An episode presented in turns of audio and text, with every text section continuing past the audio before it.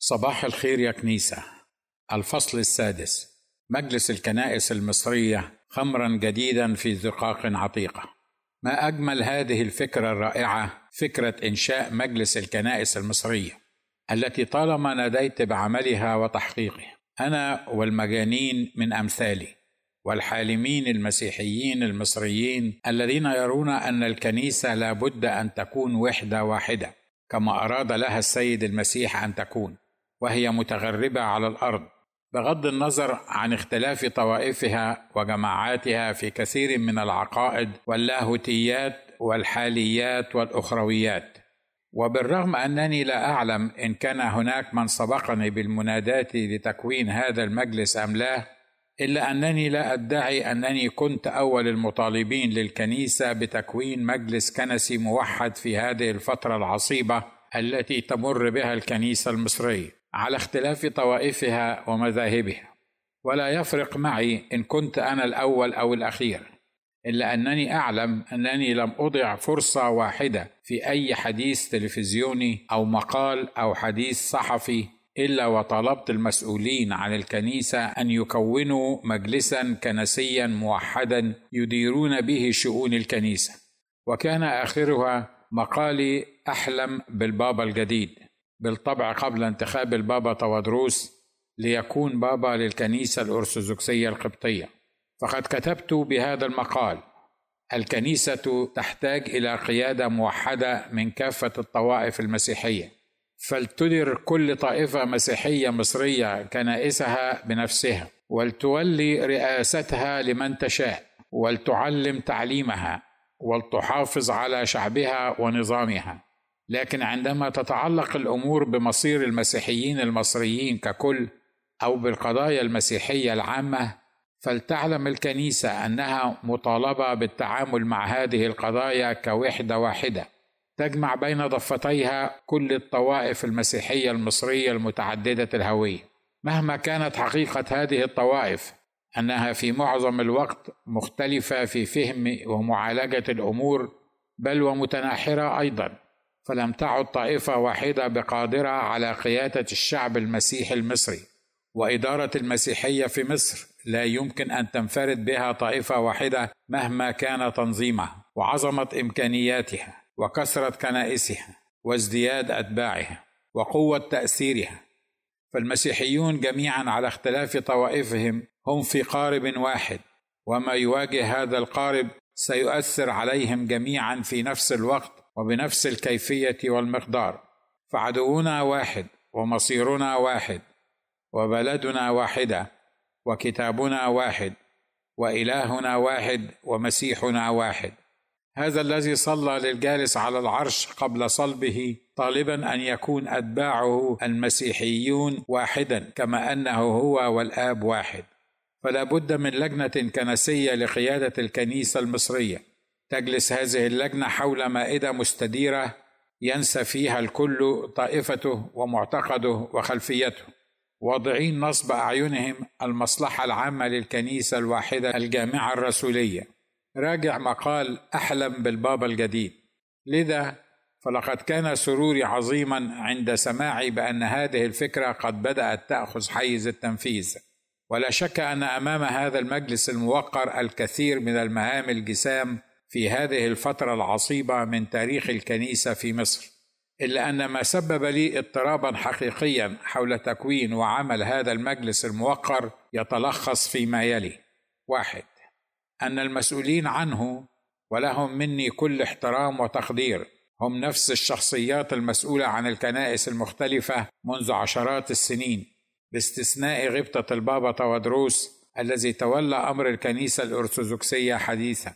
ولا داعي للشرح والتفصيل بخصوص كل منهم وإن كان يصلح لما هو فيه أم لا. وخطورة هؤلاء الأشخاص أنه حسب تنزيل الكتاب المقدس لا ينبغي أن يضعوا خمرا جديده في زقاق عتيقة. ولست أتكلم عن عدد السنين فكلما ازداد المشيب من المفترض أن تزيد الحكمة. وأقول الصدق في المسيح ولا أكذب. إنني لست أشكك على الإطلاق في إخلاص أو حكمة أو أقلل من أهمية التقدم في السن والخبرة والنعمة عند الله والناس للأحباء رؤساء الطوائف الممثلين في هذا المجلس. لكن فقط أتساءل أين هم الشباب من هذا المجلس؟ لماذا يتناوب برئاسه المجلس حضرات رؤساء الطوائف؟ لماذا لا يختار هؤلاء الرؤساء مجلسا تنفيذيا من شباب غيور مخلص لله وللكنيسة ليكونوا هم قادة هذا المجلس الحقيقيين؟ فالكنيسة اليوم تضم من الشباب أضعاف ما تضمه من الكبار والكنيسة مع أنها تحتاج إلى حكمة ومهابة ومكانة الكبار إلا أنها تحتاج إلى سواعد وأفكار وإمكانيات الشباب. فالذين قاموا بالثورة المصرية هم الشباب. والذين غيروا تاريخ مصر هم الشباب المسيحي الذي خرج بالحجارة والطوب في العمرانية وكانوا أول من تحدوا الرئيس المخلوع وعسكره وقذفوهم بالحجارة ثم بدأت شرارة الثورة. نعم لا يذكر ولا يعترف أحد في مصر اليوم بهذا إلا أن هذا هو التاريخ ولو كره الحاقدون. والذين تحدوا حكومة مبارك وهو حي وأصدروا الجرائد بدون ترخيص وفضحوا أعمال الظلمه في مصر هم الشباب المسيحي والذين تحدوا أوامر الكنيسة بعدم الاشتراك في الثورة خوفا من مبارك وأتباعه أو حكمه وقراءة مسبقة للسيناريو الحادث اليوم هم أيضا الشباب. ومهما كانت الأسباب التي أدت بهؤلاء القادة أن يطلبوا من الشباب الا يشتركوا في الثورة فالحمد لله أن هؤلاء الشباب رفضوا الخضوع لأوامر هؤلاء الكبار. وإلا لكان التاريخ سيذكر أننا لم نشارك فيها. ولحصدنا ما ترتب على ذلك من ذل ومهانة أضعاف ما نحن فيه اليوم. لماذا لا يكون الأحباء الأجلاء رؤساء الطوائف المسيحية هم هيئة مستشارين أو مجلسا للشورى؟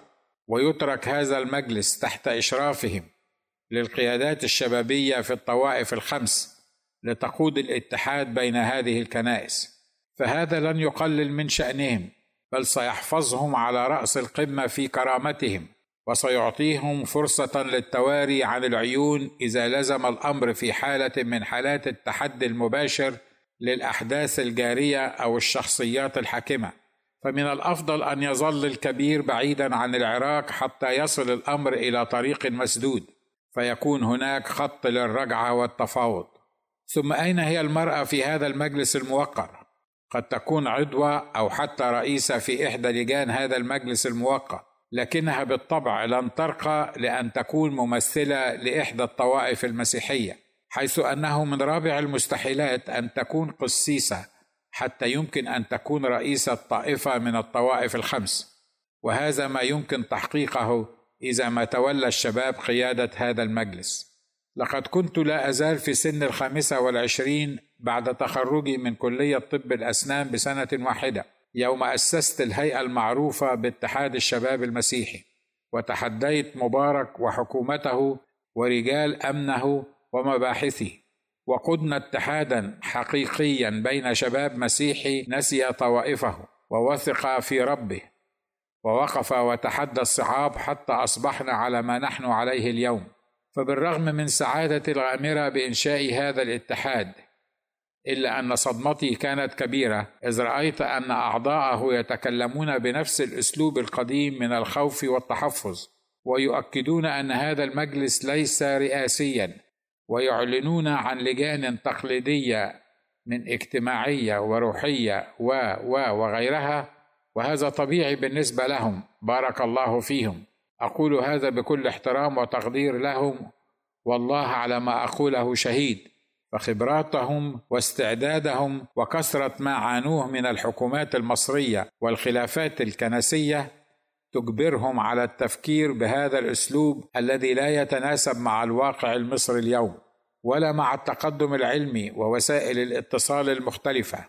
نعم لا يمكن أن توضع خمر جديدة في زقاق عتيقة. وليس عيبا أو جريمة أن أكون أنا زقاقا قديمة بالرغم من أنني ما زلت في الخمسينات من عمري. لكن الغلط هو أن أصر على أن أضع خمرا جديدة في زقاق العتيق فإما أن يتغير الزقاق وإما أن يتغير الخمر. إما أن يتجدد الزقاق فيصبح زقاقا جديدا والمولى قادر على كل شيء فهو يقول للشيء كن فيكون. وإما أن يتغير الخمر إلى خمر جديد. لأن الخمر الجديده في الزقاق العتيقة ستتسبب في شق الزقاق وانسكاب الخمر فتعم الخسارة الجميع. اثنين ومما أثبت لي أن المجلس الموقر لكنائس مصر يضع خمرا جديدا في زقاق عتيقة هو تصريح أحد القصوص أعضاء المجلس الموقر أن المجلس أي مجلس الكنائس المصرية لا علاقة له بالسياسة إنما يختص بالمسائل الرعوية فقط وبالرغم من مناداتي بأن الكنيسة غير مدعوة لتلعب سياسة وأنها ليست المسؤولة الأولى عن إرشادنا من ننتخب ومن نرفض كما كتبت في مقالات عديدة سابقة.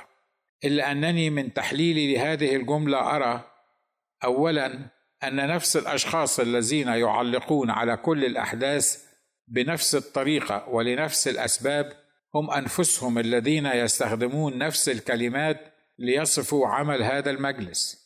وثانيا أن هذا المجلس الموقر منفصل تماما عن الواقع الذي تعيشه الكنائس ويعيشه المسيحيون في مصر. فالشعب المسيحي المصري ينقسم إلى قسمين. أحدهما لا تهمه المسائل الدينية أو الرعوية في شيء وهؤلاء يمثلون في تقديري تسعين في المية من الشعب المسيحي المصري.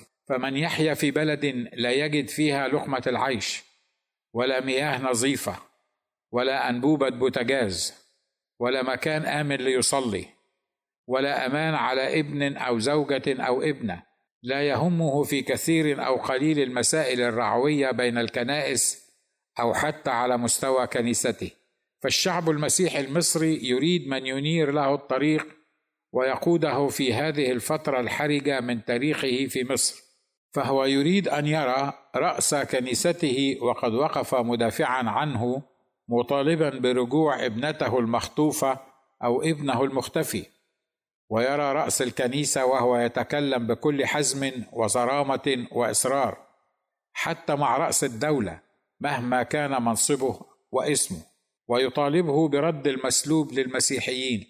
وهو يريد من هذا المجلس أن يقف أمام الظالم والعاتي ويدافع عنهم ويقول لخفافيش الليل لا يحل لكم هل يشعر المجلس الموقر باحتياجات هؤلاء الناس ومخاوفهم ومطالبهم وإحباطاتهم؟ فالشعب المسيحي المصري شبع من الكلام والتصريحات وأتجرأ وأقول حتى من الصلوات التي لا يصاحبها عمل ما بإرشاد من الله لرد المسلوب منه. ثم ما معنى أن هذا المجلس لا علاقة له بالسياسة؟ كنت أتمنى لو أن المصرح بهذا كان قد أوضح ما يقصد.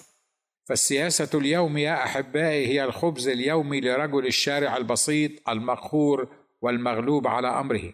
فماذا ينتفع المصري البسيط من مجلس لا علاقة له بالسياسة؟ وكيف يكون هذا؟ وكل خصومه من إخوان مسلمين وزلفيين وغيرهم يقودونه بالسياسة ويؤكلونه بالسياسة ويضربونه على وجهه بالسياسة ويطردونه من بيته ومدينته بالسياسة ويخطفون ابنته ويؤسلمونها بالسياسة. ثم تأتي الكنيسة في تصريح لأحد رجالاتها محترف التصريحات في كل المناسبات يقول أن هذا المجلس لا علاقة له بالسياسة دون توضيح لما يقول فهل يفهم الرجل المسيحي المصري المتعلم ما هي السياسة؟ فكم وكم رجل الشارع العادي حتى نخاطبه بأن الكنائس تتحد مع بعضها لكن لا علاقة لها بالسياسة. ألا يساوي هذا في ذهنه أن هذا المجلس لا علاقة له بكل ما يعانيه في الدنيا؟ بل هو مجلس يهتم بالناحية الرعوية فقط وبالعيش في سلام مع إخوتك المسيحيين وبعدها لنتقابل في نعيم أعده الله للمسيحيين الطائعين الخاضعين لكنائسهم ورعاتهم ورؤساء طوائفهم. إن مشكلة المسيحيين قاطبة ليست مع إخوانهم المسيحيين بل مع البعض من أعدائهم المسلمين. وهم يحتاجون من يدافع عنهم ومن يمثلهم ويتحدث باسمهم أمام أعلى السلطات في البلاد وليس من يتخلى عنهم ويعيش في نعيمه وملايينه ورحلاته ومؤتمراته ومشروعاته وسفرياته ولقاءاته وخطبه وعظاته. أليس كثير من أعضاء هذا المجلس الموقر هم أنفسهم من عاشوا تحت حكم مبارك وما استطاعوا يوما أن يخاطبوه ليرفع الظلم عن المسيحيين الذين هم لهم ممثلون أمام الله والناس؟ ألا نضع نحن الآن الخمر الجديده في أزقة عتيقة؟ أما ما أتوقعه أنا وغيري من الغلابة أمثالي الذين لا ننتظر أن يدافع عنا أحد هو واحد. أن يهتم هذا المجلس اولا بالدفاع عنا ضد كل اعتداء واضطهاد يقع علينا وعلى أولادنا. اثنين أن يؤمن لنا هذا المجلس الحصول على الأقل على المستوى الأدنى من حقوقنا مثلما نقوم بواجباتنا. ثلاثة أن يضمن لنا هذا المجلس أن نجتمع في كنائسنا وأماكن عبادتنا حيثما نشاء وكيفما نشاء ولا نخشى من عساكر الأمن المركزي بعصيهم وقنابلهم المسيلة للدموع لتفريقنا. ولقد سالت دموعنا بما فيه الكفاية منذ قيام ثورتنا المباركة على أيدي الضباط الأشرار في 1952 أربعة أن يضمن لنا هذا المجلس الموقر حرية الحركة والعبادة بين كنائسنا دون تحليلات وحرمانات واستفسارات عن طوائفنا ومعتقداتنا وإيمانياتنا. خمسة أن يرفع هذا المجلس الموقر معاناتنا ومطالبنا وإحباطاتنا لرؤسائنا وأولي الأمر منا ويصر على استلام استجابات لرسائلنا واستغاثاتنا.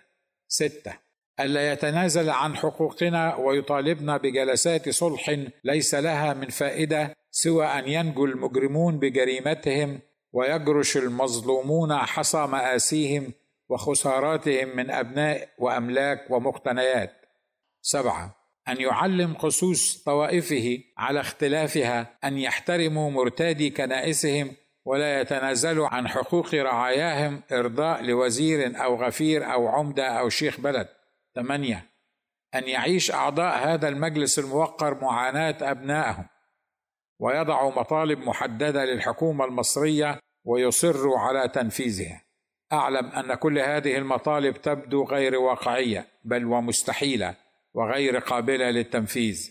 لكن على الأقل فهي مطالب عادلة وهي أولا وأخيرا ما يحتاجه المسيحيون المصريون في هذه الفترة العصيبة. ومن حقهم أن ينتظروا رؤية قادتهم وهم على الأقل يصارعون من أجلهم لتحقيق مطالبهم العادلة. فإن وفقوا كان خيرا لهم وإن لم يوفقوا كانوا على الأقل قد أدوا واجبهم أمام الله والناس ولله الملك من قبل ومن بعد.